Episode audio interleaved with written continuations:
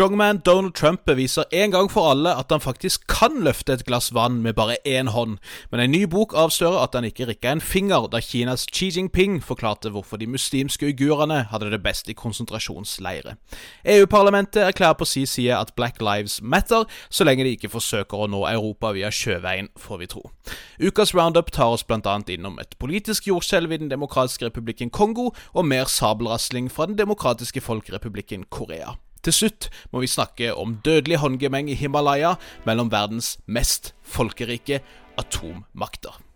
Dette er Hva skjer med verden?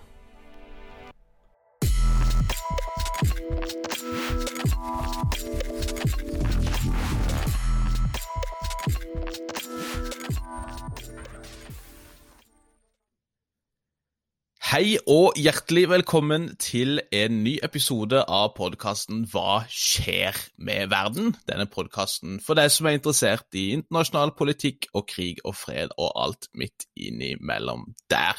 Mitt navn er Bjørnar Østby, og med meg har jeg Nick Brandal, min kollega og faste makker i denne podkasten. God morgen, Nick. God morgen, god morgen. Det er regn for en gangs skyld. Det er regn, og, eh, og, det er jo en annen ting som er verdt å nevne, Nick. Du er, sitter et ganske interessant sted nå når vi spiller inn denne podkasten.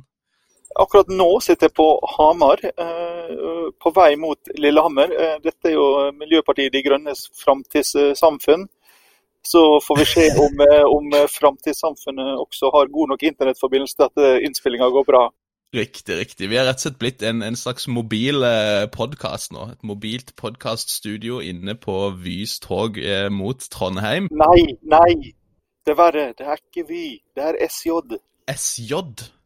Ja, svenska jernvegen. Dette er konkurranseutsatt. Nei, nei, nei, nei, nei, nei. Fysj om, fysj. Dette, dette, lover dårlig, men vi, vi, vi, håper på det beste. Vi kan jo si at dette er vår første skal vi si, sommerepisode.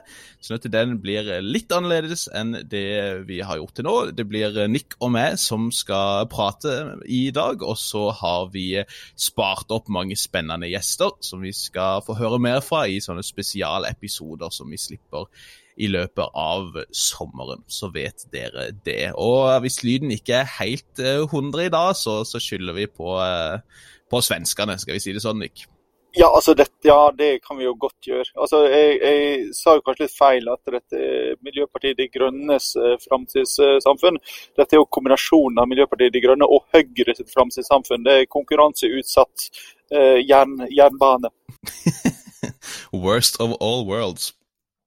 Der du er på uh, reis, bokstavelig talt, så har jeg jo eh, merka meg at det har vært flere interessante eh, tidsreiser, kan vi godt si, i uh, verden der ute i uka som var.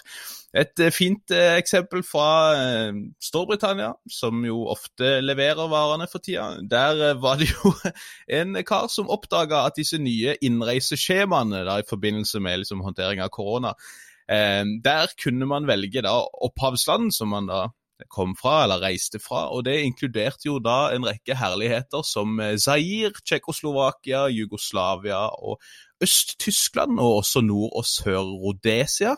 Så det var jo et, et, hyggelig lite throwback til 1980-tallet, da, om du vil. Men alle, alle, alle påstander om at eh, brexit og sånn handler om nostalgi for en forgangen tid, er selvfølgelig helt, helt uh, innholdsløse.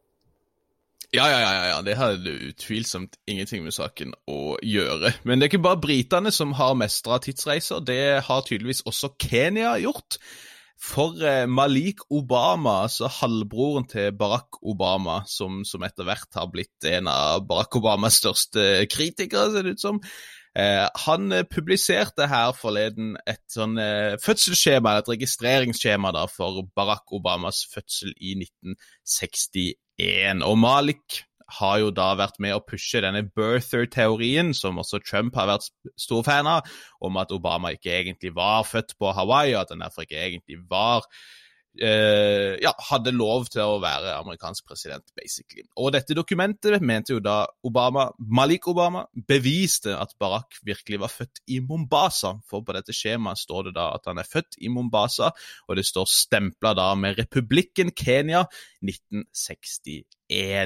Problemet er jo så klart bare det at republikken Kenya ikke eksisterte i 1961. Kenya ble jo først selvstendig i 1963 og ble ikke erklært som en republikk før desember 1964. Så med mindre Kenya har uh, lært seg å reise tilbake i tid, så, uh, så har jo Malik en ganske dårlig sak her, altså. Jo, men uh, Bjørnar, her viser du jo elitis elitismen din. Dette handler jo om alternative facts. ja, shit. Det er jo noe vi i akademia bør jobbe med. Altså at eh, Vi har jo en veldig sånn elitistisk tilnærming til dette med fakta og sånt, og burde nok kanskje jobbe med å være litt mer fleksible på den fronten. Vi må jo stadig be folk om å ta seg ei bolle her på denne podkasten, og sistemann ut der får vi jo si er EU-parlamentet. De var ute denne uka og erklærte at Black Lives Matter. Bortsett fra da så klart når de skulle være så egoistiske og frekke at de flykter fra krig, uro og nød og finner veien over Middelhavet. Da kan de heller ryke og reise. Og altså, dette, jeg syns jo dette blir desto mer fornærmende når EU-parlamentet går ut med dette her, når FNs høykommissær for flyktninger også denne uka som var rapportert om rekordhøye flyktningetall for 2019. Hele 79,5 millioner mennesker sies å ha vært på flukt i 2019. Det vil si altså ca. 1 av 97 mennesker globalt. Det er en dobling siden 2010, der rundt 40 millioner var på eh, flukt.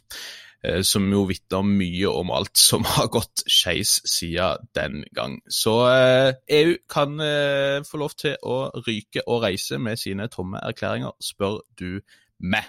Men det er jo ingen som spør meg, så det er jo greit. og Apropos tomme erklæringer, holdt jeg på å si, Nick, så får vi jo gratulere Norge med et sete i FNs sikkerhetsråd. Det er vel bare å glede seg til at vi får velmenende resolusjoner sabla ned av de permanente fem. Altså, Jeg tror vi kan gratulere det norske utenriksdepartementet for at de nå får delta på mange flotte middager. Men kanskje først og fremst skal vi gratulere Kina. Dette ble nok møtt med jubel i Beijing. Har du lyst til å utdype? Nei, altså Vi vet jo alle, allerede at eh, menneskerettigheter eh, de, det er viktig bare for folk som enten ikke spiser norsk laks eller ikke går på ski. Kina gjør begge deler, så de er ganske safe nå. De, de ligger greit an. Vi, vi får uh, følge med og være gode, kritiske, konstruktive røster med Norges medlemskap. Og så uh, får vi gratulere da med et sete med mange gode middager, om ikke annet.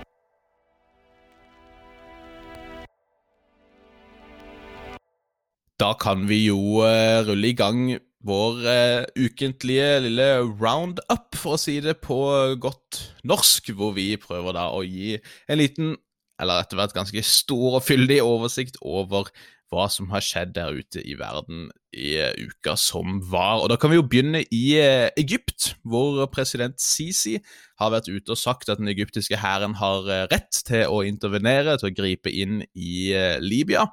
Vi snakka jo om for et par uker siden vel, at libis, uh, unnskyld, egyptiske tanks ble observert liksom helt på grensa til Libya, og det var liksom snakk om at Egypt kanskje ville komme til å gripe inn militært der for å kontre denne offensiven fra myndighetene i Tripoli, som har pusha Egypts allierte general Haftar langt eh, tilbake mot sine østlige kjerneområder.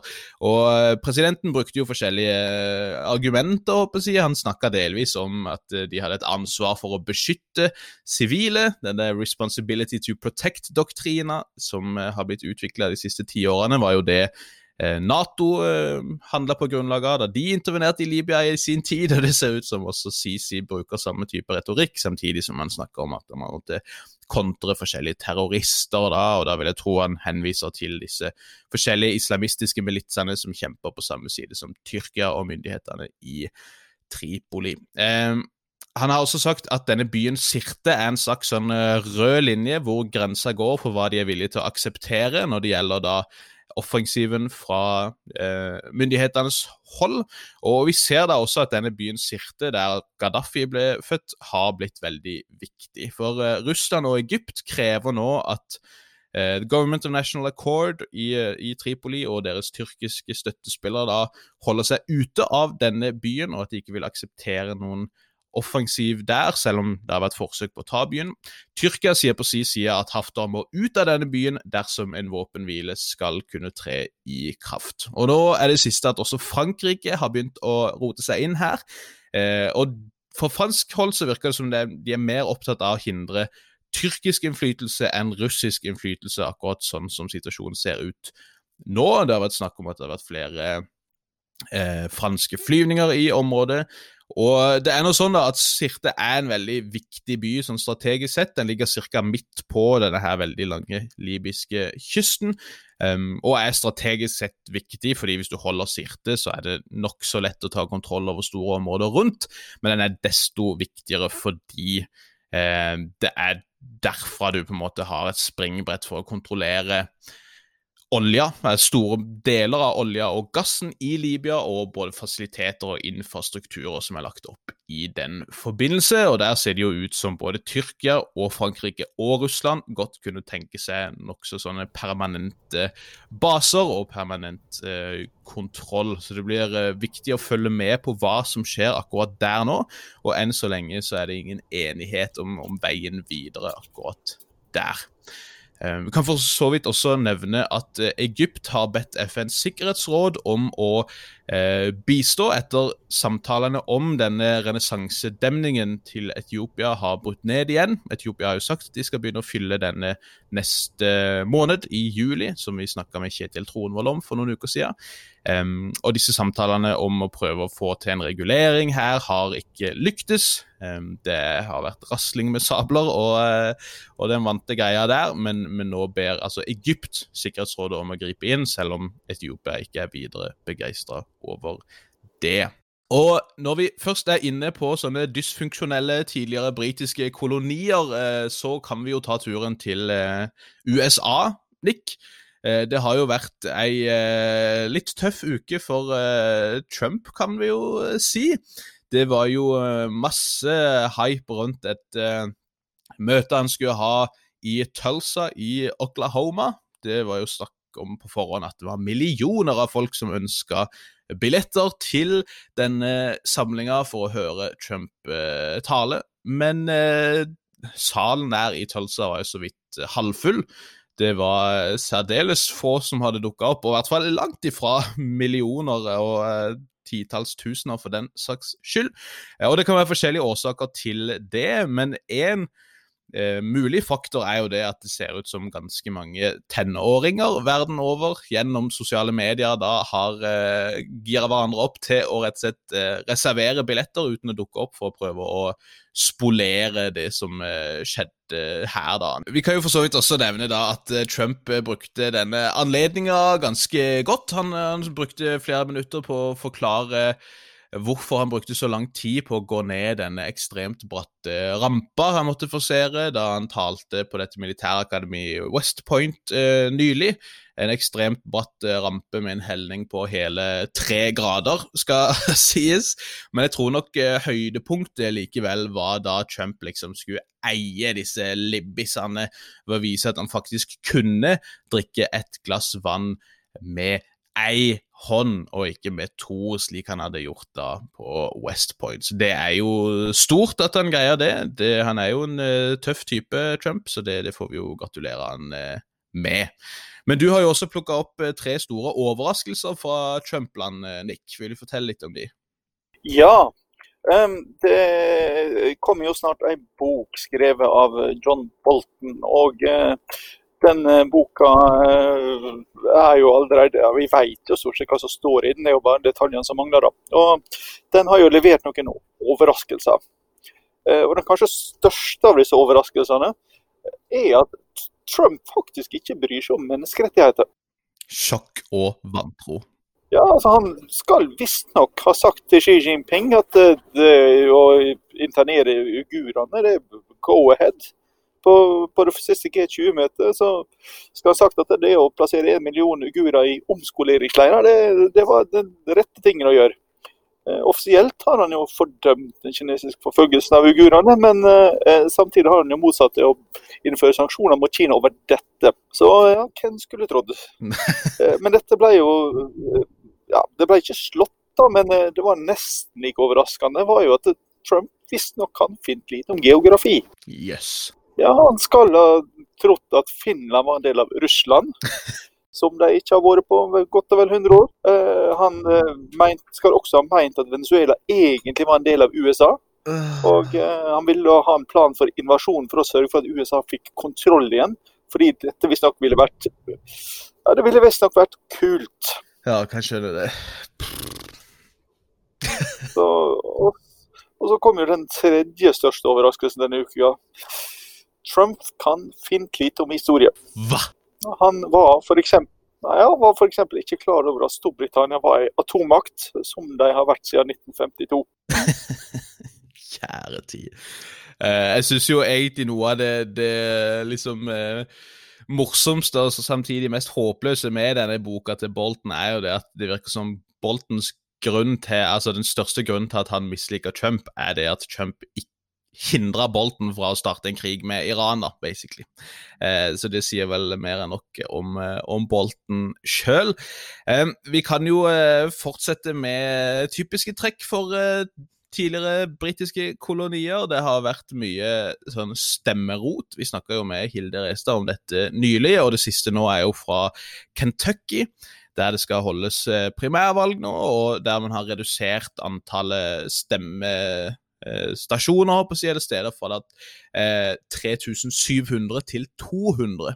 Eh, og Det betyr at ett av disse stedene der man skal stemme, skal eh, rekke over, over 600 000 borgere. Og så er det jo neppe tilfeldig at dette da er et urbant område hvor flesteparten av borgerne og velgerne er svarte.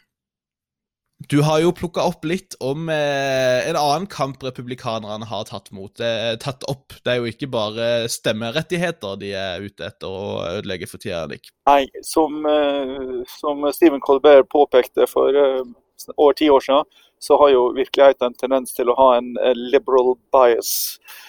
Og eh, virkeligheten eh, handler jo veldig mye om internett. Og republikanerne har jo nå virkelig tatt opp kampen mot internett.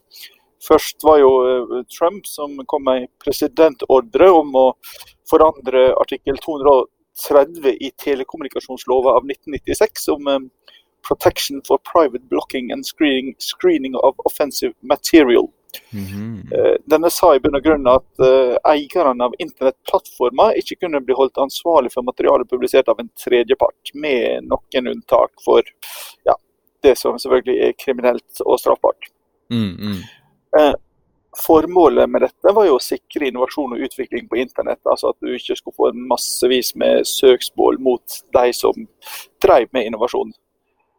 Eh, så viser det seg nå da at diverse internettplattformer, Twitter og etter hvert enda til Facebook, eh, har blitt så pressa av at eh, ja, folk rett og slett ikke syns det er greit at det blir spredt løgn og død og fordervelse og alt mulig på nettet under dekke av å være politisk tale, som det heter. Så de har jo da foreslått at her, her må faktisk plattformeierne også kunne gjøres ansvarlige. Og Det er det jo mulig å ha en viss sympati for. Mm. Men uh, problemet her er jo at uh, republikanernes uh, mening om hva som da skal beskyttes, det er ganske så ensidig. ja. så det kom, det kom da to, to, initiativ denne uka for å prøve å hjelpe Trumps forslag. fordi altså, Hans presidentordre hadde, var egentlig innholdsløs. Mm. Eh, men nå er det en republikansk senator som heter Josh Hawley, som eh, har tenkt å bli president i framtida. Som kom med et lovforslag om at folk skal kunne saksøke nettselskap dersom de opplever seg sensurert på politisk grunnlag. Eh, og formålet, ja, formålet er jo å tvinge sosiale medier til å være politisk nøytrale. Ja, ikke sant. Lykke til.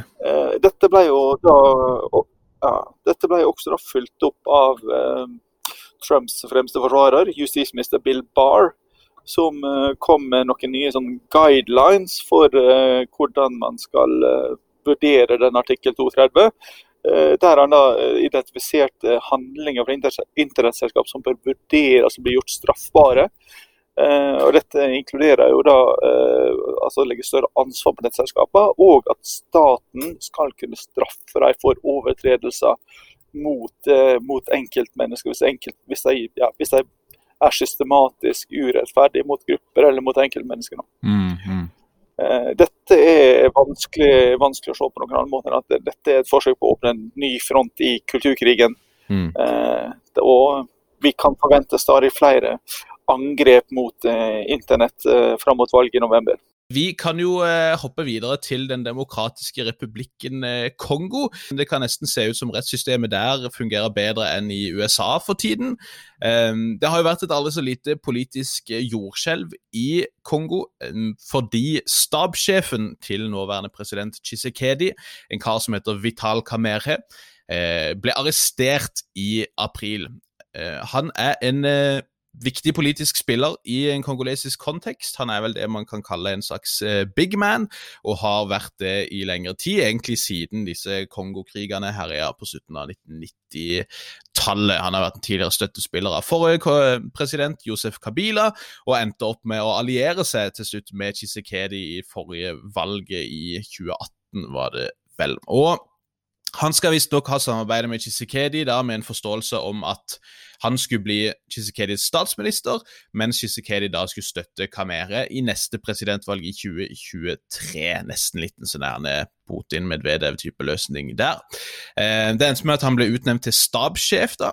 Men eh, i en ganske sånn en interessant eh, tørn her, så ble han arrestert altså i april og har blitt sikta for grov korrupsjon, etter å visstnok da ha underslått og da i praksis stjålet ca. 48 millioner dollar med offentlige midler, som da egentlig var øremerka for bygging av sosialboliger, da visstnok. Dette skal han ha gjort sammen med en eh, libanesisk businessmann. Og dette har jo da bare blitt enda mer dramatisk, fordi dommeren som leda denne saken, eh, døde i mai etter bare to sessions. Og i utgangspunktet så ble dette forklart med at denne dommeren hadde dødd av et uh, hjerteinfarkt, men uh, nylig nå, sist uke, så gikk justisministeren ut og sa at dommeren faktisk hadde blitt myrda på brutalt vis. Men på lørdag så falt dommen til slutt likevel, og Kamere har nå da blitt dømt til 20 års fengsel og hardt liksom, manuelt straffearbeid. I tillegg til dette så mister han sine borgerrettigheter, altså i hvert fall muligheten til å stille til valg, i ti år etter endt varetekt. Eh, samtidig som han vil måtte betale tilbake det han har underslått, med renter og en bot, som gjør at han til eh, sammen da skal betale 150 millioner dollar til den kongolesiske staten. Dette er den mektigste politikeren i Kongo som dette har skjedd med, i et land der korrupsjonen i den politiske eliten har vært veldig utbredt lenge. Um, og Chisekedi som president har på en måte satt seg for liksom, å slå ned på korrupsjon, som, som sånne nye ledere gjerne ofte gjør. Um, og Sånn sett så kan jo dette kanskje ses som en viktig seier. Samtidig så ser vi jo at tilhengere av Kamere og medlemmer av partiet han grunnla, et parti som heter UNC, eh, hevder at dette egentlig kun er et trekk for å hindre Kamere fra å stille til valg i 2023, og på en måte true da Eh, presidenten eh, Shisekedi. Og Så gjenstår det også da for så vidt å se um, om det er liksom politisk vilje der for å faktisk implementere denne dommen. Enn så lenge så, så ser det ut som det er tilfellet, uh, og så skal jeg følge med på den saken der til fremover i tilfelle det skulle skje noe der.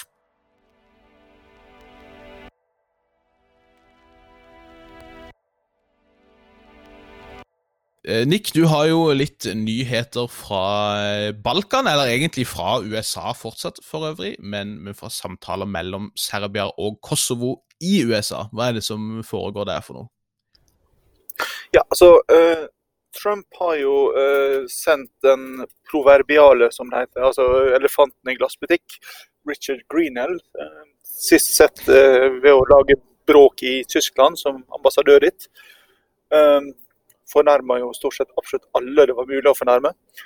Eh, så han, han, har nå fått jobben med å ordne opp på Balkan. og Det gjør han jo gjennom å, å bruke bølletaktikk. Og som alle bøller, så bøller han jo ikke mot den sterke parten, han bøller mot den svake parten. Mm. Og den svake parten her, det er jo Kosovo. Mm, mm. Eh, det første tegnet på at noe hadde skjedd her altså USA har jo vært garantisten for Kosovos uavhengighet fra, fra Serbia, eh, egentlig helt siden 1999. Eh, mm. Men i mars så frøs de plutselig overføringa på 50 millioner dollar i, i støtte. Uh, og uh, Kosovo har jo hatt toll på serbiske varer, og den har de blitt trua med at uh, disse pengene vil aldri dukke opp hvis ikke dere fjerner dette her. Mm. I, I, praksis gjør dette her og, både et håndslag og, og, og ja, egentlig hele hånda til Serbias president, Aleksandr Vukicic. Mm som sto overfor et vanskelig, eller potensielt et vanskelig valg i går, som han vant suverent. Og det gjorde han jo fordi at hele mm. opposisjonen boy boikotta valget. Eh, fordi de, de, mente at han var i ferd med å gjøre Serbia til en ny versjon av Ungarn. Eh, mm. det, det, har gått i stadig mer autoritær retning, og det, han har tatt landet stadig nærmere Vladimir Putin. Serbia er jo en historisk mm. uh, alliert av, av, Russland, så det, det er jo for så vidt ikke noe nytt. Men du kan si at den tilnærminga til EU som har vært, uh, har vel stoppa eh, opp i noen grad.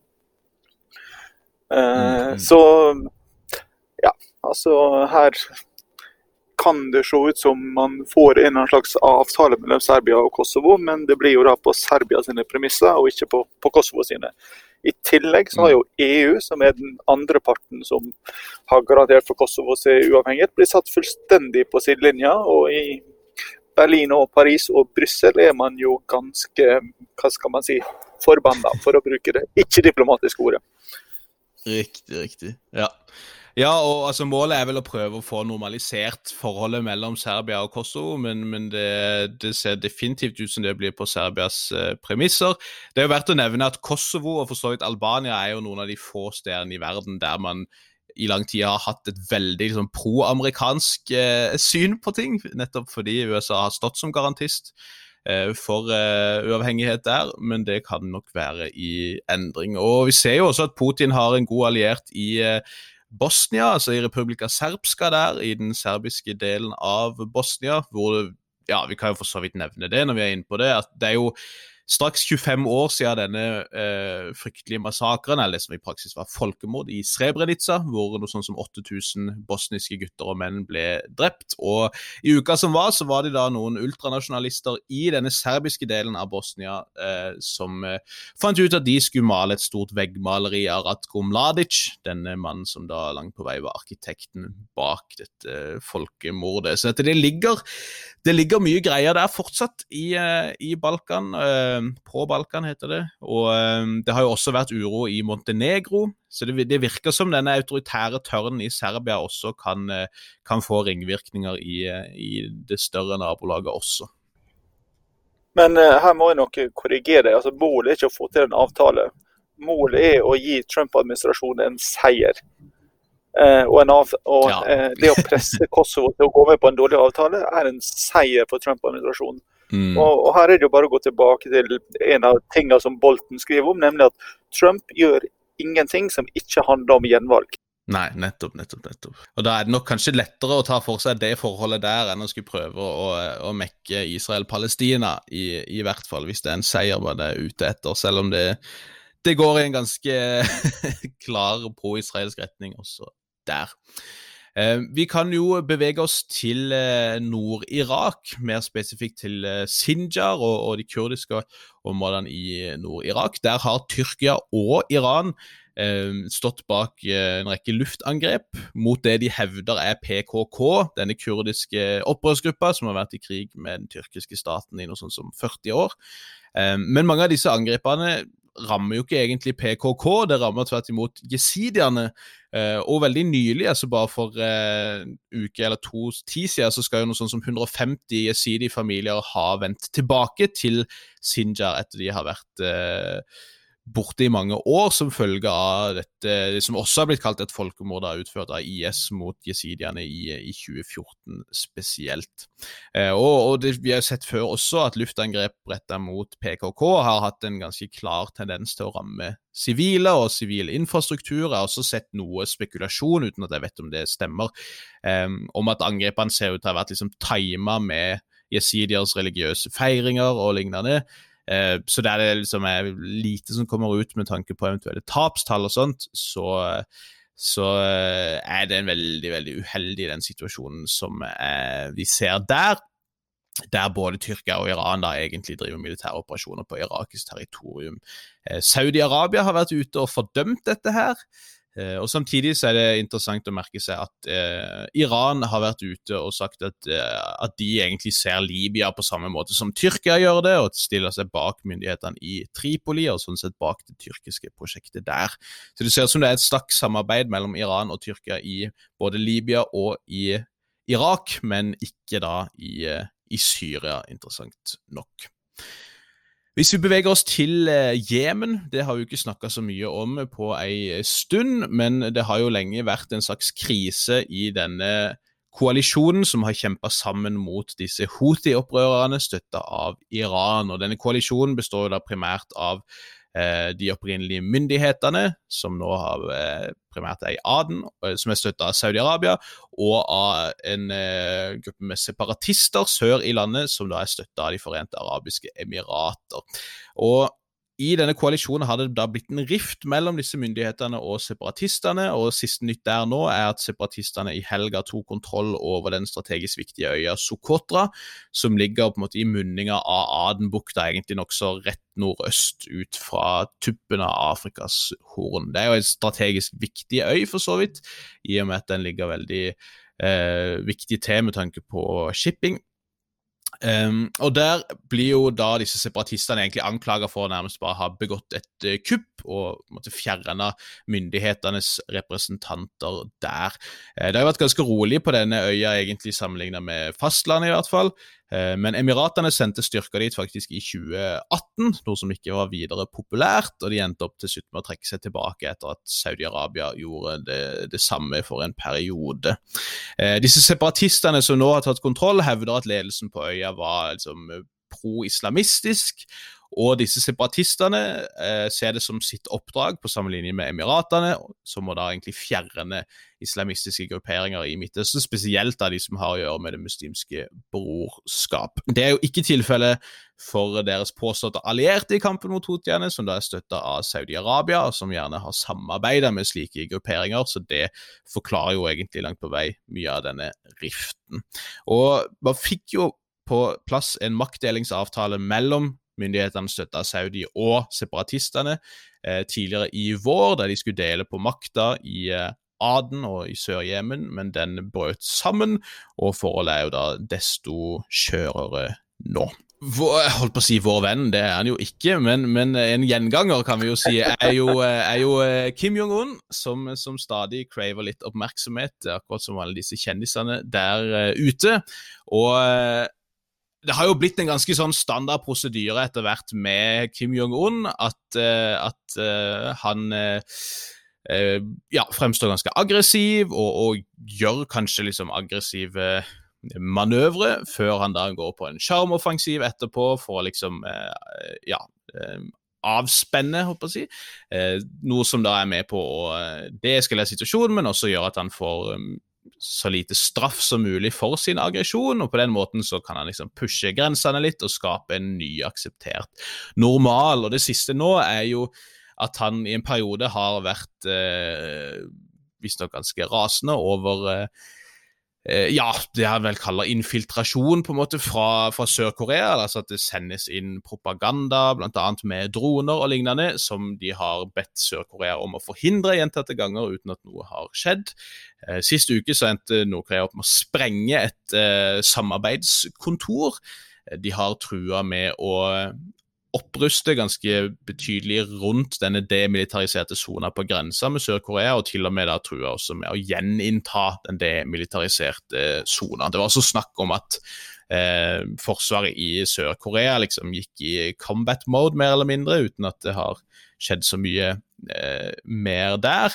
Og det er sett folk som har god greie på Sør-Korea, spekulere i at mye av dette her henger sammen med at økonomien nå går særdeles eh, dårlig. Der Kim Jong-un på en måte tidligere har kunnet love at, at situasjonen vil være ganske mye romsligere under han enn hans uh, forgjengere, sånn at det er en slags måte da å, å, avlede fokus på, kanskje.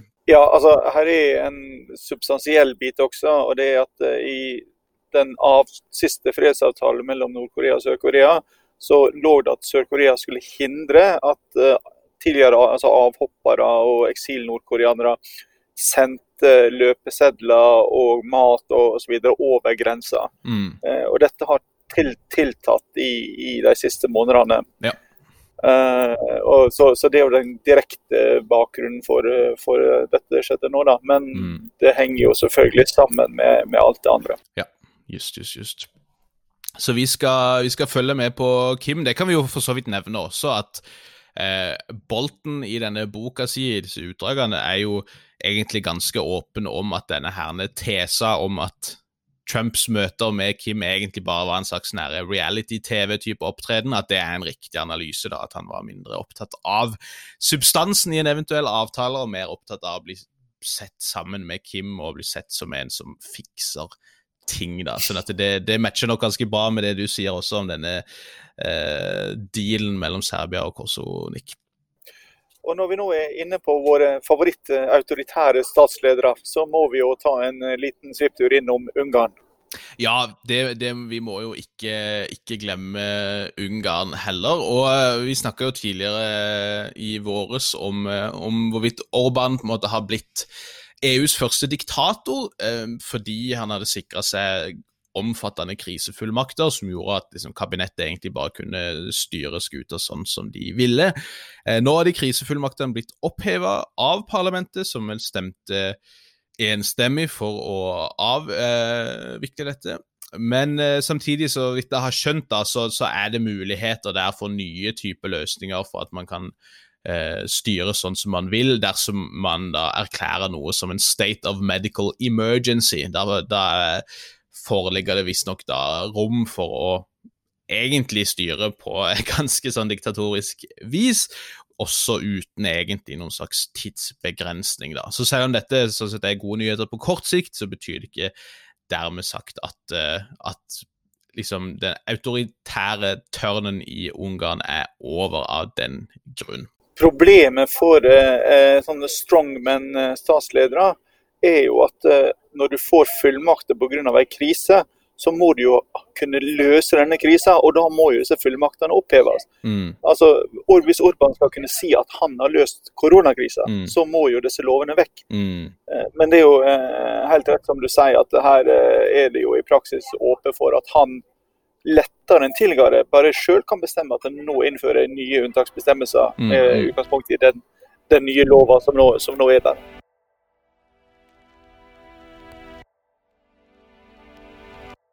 Et velkjent begrep i eh, internasjonal politikk er på godt norsk brinkmanship. Nemlig mm. å eh, holde en konflikt akkurat på det nivået der den er så stor som den kan bli, uten at det faktisk bryter ut til, til full krig.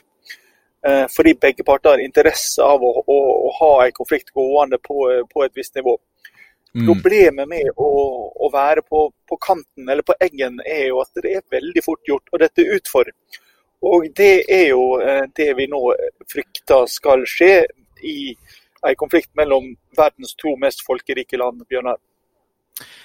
Korrekt. Og, og, eh, det er egentlig ganske bra bilde du eh, viser til der. For, ganske bokstavelig talt så er det mange som har falt utfor en, en fjellkam den siste uka. Det er snakk om at 20 indiske soldater og kanskje 40 kinesiske soldater, hvis vi skal tro på indiske eh, spekulasjoner i hvert fall, mista livet i eh, slåsskamper, rett og slett, langs det som kalles for the line of actual control. Og Jeg skal forklare hvorfor jeg sier at de har falt utfor en fjellkamp, for det høres rett og slett ut som det har skjedd. Men vi kan jo ta litt sånn bare bitte grann background for å, å forklare dette her.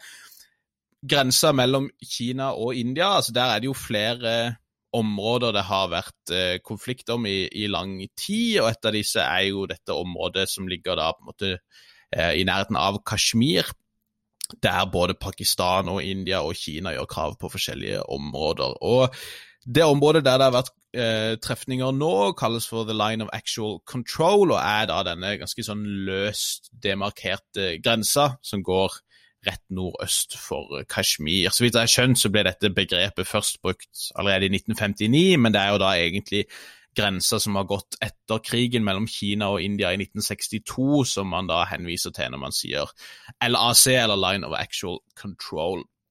Og det har vært flere avtaler rundt det. Det har vært trefninger der, for så vidt i 1967 også, som var siste gang der man hadde skikkelig dødelige trefninger før denne gangen. Men det har vært avtaler da flere ganger, senest i 1996, tror jeg, eh, mellom Kina og India, der det har vært enighet om at man ikke skal avfyre noen skudd innen to kilometer fra denne linja.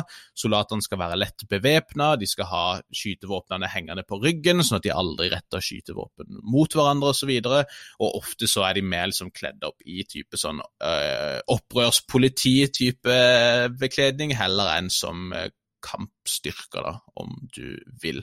Men i det siste så har det jo vært flere um, trefninger. Stort sett da, altså trefninger der det ikke skyteepisoder, men rett og slett uh, håndgemeng. Vi har jo nevnt noen av disse tidligere, der det har vært slåsskamper rett og slett mellom indiske og kinesiske styrker i forskjellige fjellpass i dette området.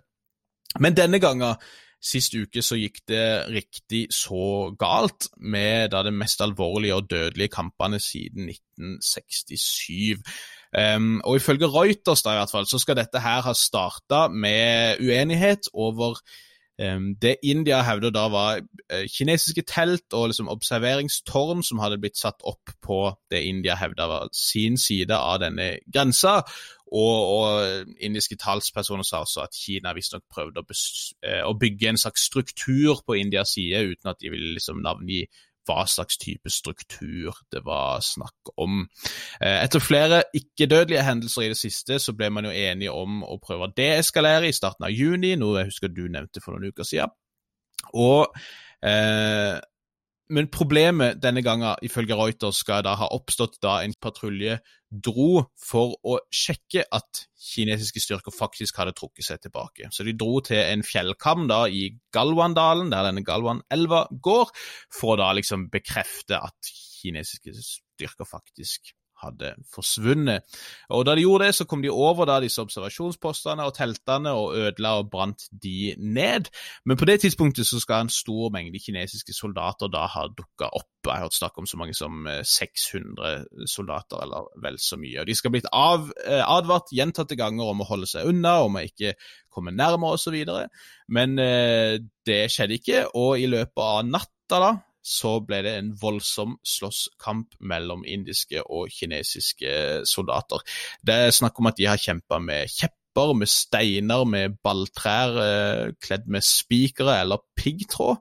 Um, Kina pleier aldri å publisere tapstall før det har gått lang tid, om de i det hele tatt gjør det, men fra indisk hold så spekuleres det i at minst 40 kinesiske soldater har mistet livet, mens den indiske hæren sier at 20 indiske soldater ble drept. Og Det er liksom det vanskelig å skjønne hvordan så mange skal miste livet bare i liksom håndgemeng, men det høres rett og slett ut som flere av de bokstavelig talt i mørket da har falt utfor nettopp denne Knivseggen, om du vil, eh, disse fjellkammene, um, og falt ned i iskalde elver osv.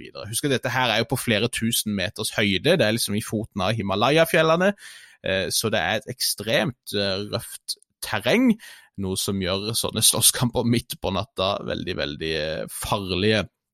Det har kommet ut en del satellittbilder i tida etter, som sammenligner da situasjonen før disse denne slåsskampen og etter. og Det viser at det var en stor kinesisk konvoi med mange titall, som gikk over 100 kjøretøy, som lå nede i dalen like under dette området der kampen sto. Eh, og Der ser det ut som kineserne har bygd en vei, og at de også har demma opp deler av Galvan-elven. Eh, vi ser også at det har vært oppbygging på begge sider av denne eh, løst definerte grenser, og at militærleirer også har kommet stadig nærmere hverandre. Det ser på mange måter ut som Kina prøver å forskanse seg og har planer om å bli der de er. Og jeg har også sett også India hevder at dette var eh, forhåndsplanlagt av dette angrepet. At det var ikke tilfeldig at kineserne plutselig dukka opp når de gjorde, men at dette faktisk var planen hele veien. Riktignok så ble det nokså kjapt enighet om å deeskalere og prøve å roe ned situasjonen. Og det er jo for så vidt eh, bra, det. Vi foretrekker i hvert fall at atommakter kjemper med kjepper og steiner enn med atomvåpen. Eh, men problemet er jo tenker jeg det er to ting. Det ene er jo som du sier, altså alle har en plan til de blir mukka i trynet med et spikerballtre, holdt jeg på å si, og vold får sin egen dynamikk, sånn at det er, kan være vanskelig å trekke seg i tide og roe ned i tide. Samtidig så ser vi jo ganske sånn eksplosiv eh, nasjonalisme både i Kina og i India, som også myndighetene må prøve å holde i sjakk til en viss grad, der disse nasjonalistene på begge sider da egentlig maner til kamp. Eh, I India har det vært en rekke demonstrasjoner, bl.a. I Kina så vidt jeg har sett, så har man sensurert ganske mye av det som kommer ut fra, fra India. Eh, indiske magasiner har jo kjørt på med forsider som liksom 'Enemy number one', med bilde av en kinesisk soldat, og liksom 'Facing up to China' om konflikter som skal komme, osv. Så, så selv om både Xi Jinping og, og Modi gjerne ønsker å prøve å unngå en stor konflikt, så er det et veldig vanskelig en vanskelig balansegang de skal gå nå, og som gjerne er nettopp faren med sånn brinkmanship som du, som du starta med, Nick. Så det er spennende tider i eh, Himalaya.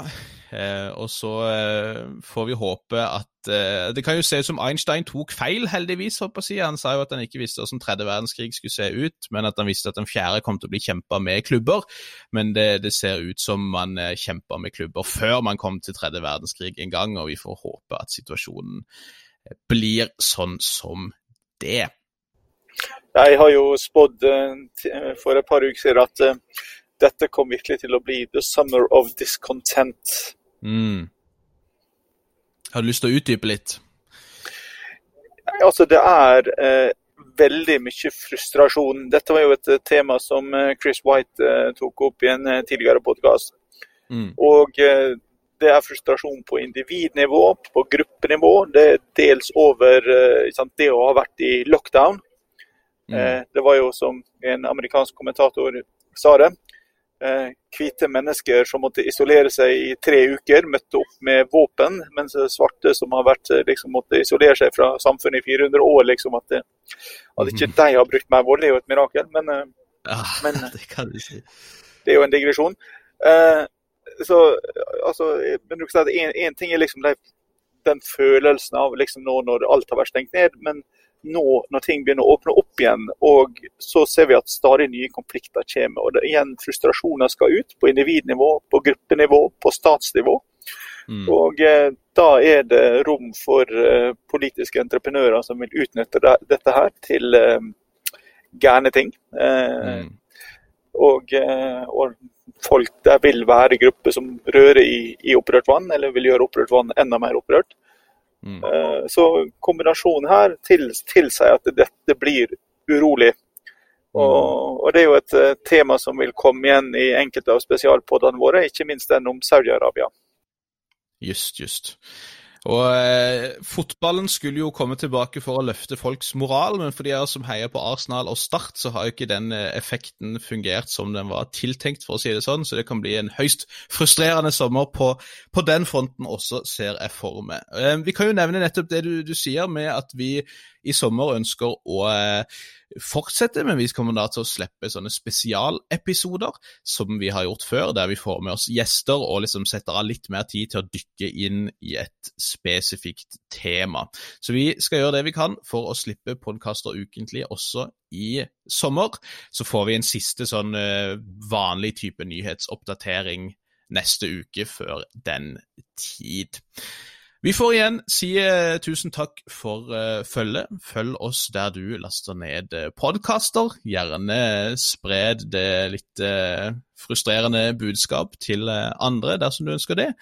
Og så høres vi igjen veldig snart. Tusen takk, Nick, og god togtur videre. Takk, takk. Jeg er nå på vei inn i Norges eh, nasjonalromantiske hjerte i, eh, i Gudbrandsdalen. Så eh, jeg skal nå bare la det gode følelsen av å være norsk komme innover meg eh, mens vi venter på sommeren. Det unner vi det. Takk for da. Vi snakkes.